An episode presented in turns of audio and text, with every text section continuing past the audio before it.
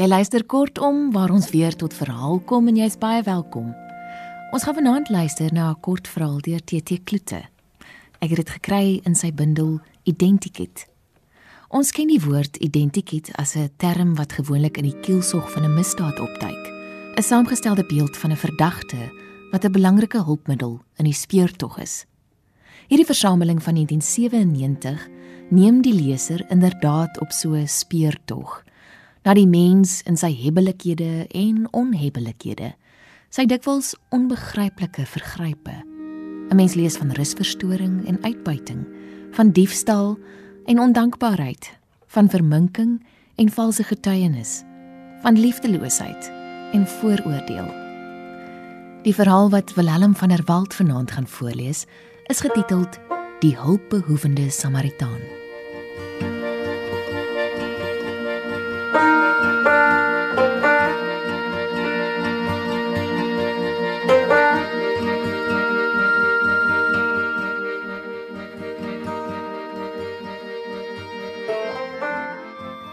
Hans ry Vrydag ouer gewoonte ver ent uit die dorp uit met sy opregte honde. Vir hulle oefening en vir sy eie ontspanning gaan stap hy dan met hulle langs die grondpad tussen die uitgestrekte, afgeleë plase waar dit stil is.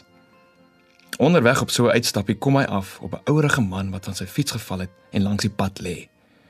Hy maak met sy arms smeekgebare. Hans hou stil en sien dat die man baie seer gekry het. Hy het kwaai pyn en is koud. Dit is winter Een van daardie hoëveldse dae waar dit op die middag steeds genadeloos koud bly onder die helder son en die man is armoedig geklee. Die fietser ryk sterk na drank. Hans is aanvanklik nie seker of dit die beserings of die drank is wat die man verhinder om regop te staan of te loop nie. Ek het niks hier by my om jou te dokter nie en ek kan jou ook nie in my motor laai en dokter toe vat nie, sê hy vir die man. My honde is gevaarlik kwaai. Dit is waarom ek buite die dorp uitry om met hulle te gaan stap. As ek jou inlaai, gaan hulle jou byt. En ek sien geen plaashuis hier naby waar ek my honde kan laat bly of waar ek hulp vir jou kan gaan soek as ek jou so lank hier los nie. Hans staan onseker en rondtrap, krap sy kuif deurmekaar soos hy dink. "Jou honde," sê die man verwytend. "Jou honde en ek." "Waar woon jy? Waar werk jy?" vra Hans. Die man wil nie sê nie. Hy alleen weet waarom nie. Maar wat maak dit saak? Of Hans hom na sy huis toe vat as hy 'n huis het of na sy werkplek toe as hy 'n werk het. Die honde is die hindernis. Hans staan voor 'n nare keuse. Hy oorweeg verskeie moontlikhede. Die man moet in elk geval versorg word. Dit is goeie honde. Hulle gaan jou byt. As ek eers my honde huis toe vat en jou dan kom haal. Jou honde, sê die man. Maar as jy vir jou honde gaan sorg, is ek lankal dood van koue en pyn. Jy wil my nie help nie. Hoe kan ek my honde hier iewers vasmaak? As ek hulle kon vasmaak, kon ek jou opgelaai het om hulp te gaan soek en hulle later weer kom haal. Hier is bome dien geen boom om hulle aan vas te maak nie. Ek kan hulle nie aan die draadpale langs die pad vasmaak nie. Hulle sal in die doringdrade verstrik raak, verwrig. Hulle is dier opregte honde. Hulle kan gesteel word. Jou honde. Hans wou nog iets sê. Toe besluit hy al in stilte. Ek weet ek moet kies Ek kies jou, sê hy asof hy met homself praat. Ek sal dan net stadig moet ry dat die honde agter die kar kan aanhardloop en byhou. Geen hond is meer as 'n mens werd nie. Die insig voel vir Hans na 'n morele triomf. Dit was al klaar baie moeilik om die honde so los te laat dat hulle die beseerde nie byt nie, terwyl Hans hom al sukkelend in die motor help. Die fietser is lomp, swaar, 'n dooie gewig. Die gesukkel maak die honde aggressief. Hulle sien die beseerde man aan vir 'n aanrander, 'n indringer wat hulle eienaar wil aanval. Hulle wil hul eienaar verdedig, hom en die beseerde uitmekaar hou, asof daar gevaar voorlê. Tog slaag Hans na groot moeite en inspanning daarin om die beseerde in te laai en die honde te gelyk weg te hou. En wat van my fiets? Hy kan nie hier langs die pad bly lê nie. Die mense gaan hom steel. Ag ja, die fiets moet ook in. Die een moeite en verpligting bring die ander van self mee. Die honde volg die motor met inspanning. Hulle is swaar en nie gewoond aan ver hardloop nie. Naderhand gaan lê hulle in die krepelhout, moeg. Dalk sal hulle daar bly lê tot Hans terugkeer. Dalk sal hulle later wanneer hulle uitgerus is, self spoors na huis toe. Terwyl hulle so ry, begin Hans die man uitvra oor sy ongeluk. Dat hy gedrink het, is nietemin duidelik. Het die motor jou sommer so vir geen rede nie getrap? Of het jy geval? Of geslinger en voor die motor ingery? Nee, die motor het my raak gery, net met 'n ligte stamp. Maar dit het my baie hard laat val op die gryspad en my erg seer gemaak. En die bestuurder het my gevloek. Was dit 'n ouer of jonger man? Frans. Ek weet nie of dit 'n man of 'n vrou was nie, want party mans dra vandag mos lang hare soos vrouens. En die bestuurder was mos nie aan die kant waar ek geval het nie. Dit kon die stem van 'n vrou gewees het. Sy het nie uitgeklim nie, maar sy het gevloek soos 'n man onder my klere in. Hans glimlag liggies. Gevloek onder jou klere? Het hy nie stil gehou nie? Hy het. Hy het net stil gehou, nie uitgeklim nie. Ek het daar op my gesig gelê en kon nie kyk nie. Ek dink ek het my bene gebreek. Hy het gesê ek is dronk. Ek het voor hom ingery. Hy het my gevloek en aangery. Jy moes nie so gedrink het nie. Ek dink die motorbestuurder het die waarheid gepraat. Jy het te veel gedrink. Jy het sekerlik voor die motor ingeswaai. Ek het my man net getroos met die bottel, meneer. Ek is oud en arm. Ek het my man net getroos. Dis al. Hulle is nog een van die dorp af. Intussen sit Hans en wonder wat van sy honde gaan word. Hy probeer die ongemaklike stilte verbreek. Ah, dan weet jy nie wie jou raak gery en seer gemaak het nie. Nee, ek weet nie. Maar hoe die motor gelyk? Wat 'n motor was dit? Ek ken nie die soort motors nie. Dit was 'n groot swart motor en baie blink. Maar dan was dit 'n rykesin, dalk 'n Mercedes-Benz of 'n Audi of 'n BMW of ja, dis reg, enigiets van daardies. Raai jy nou sommer of weet jy nou? Ek is seker dit was daardie soort. Beskryf die motor verder.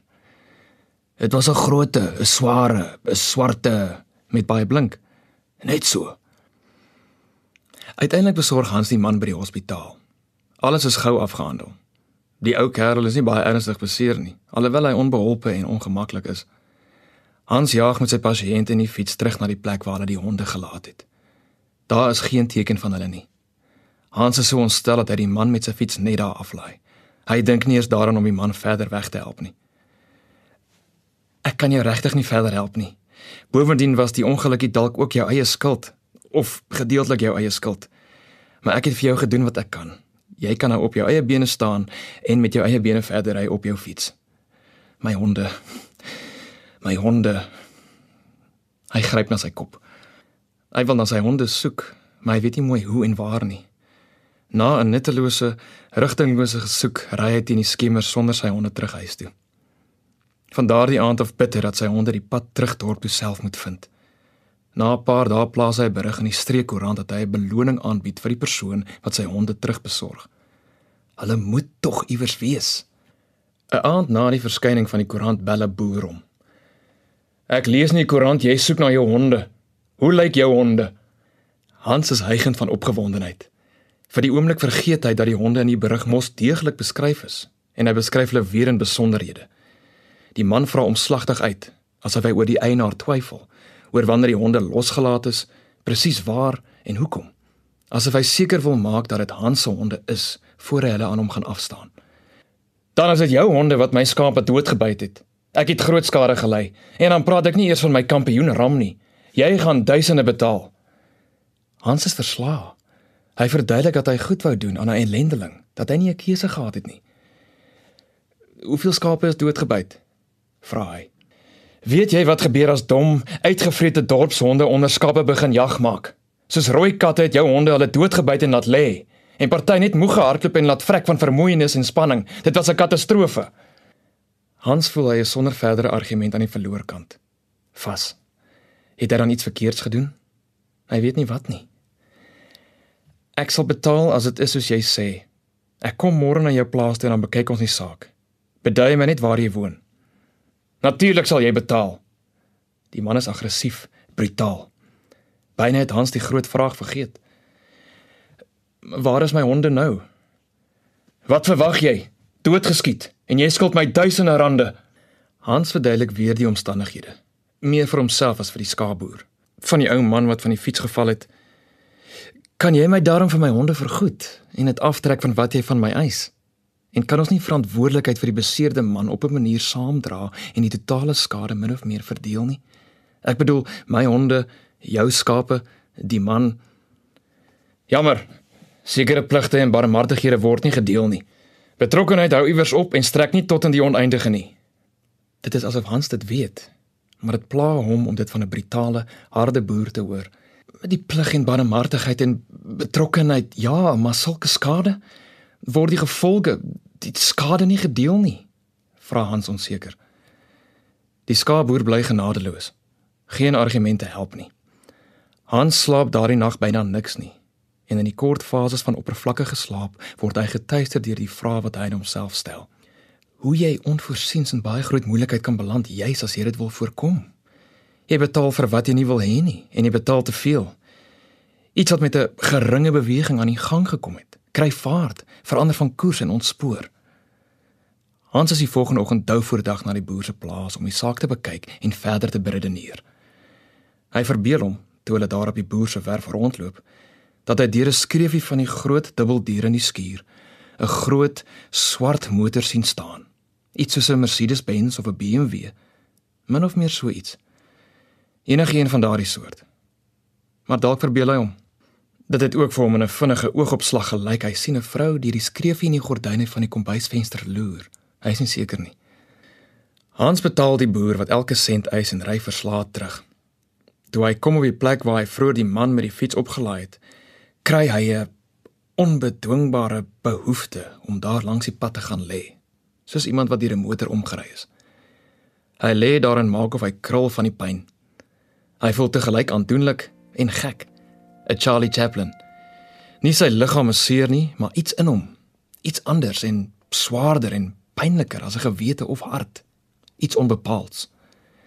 Hy wag dat iemand moet verbykom om hom hulp aan te bied. Dan sal hy skree.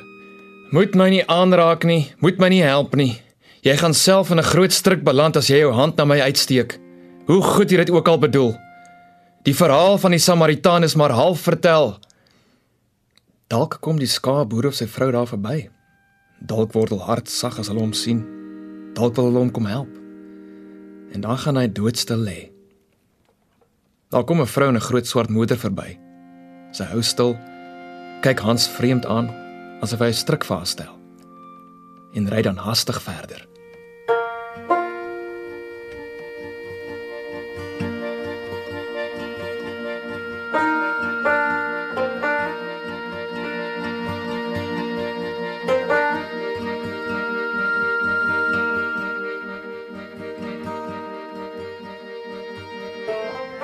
Dit was dan Die hulpbehoevende Samaritaan deur TT Klute, voorgeles deur Wilhelm van der Walt.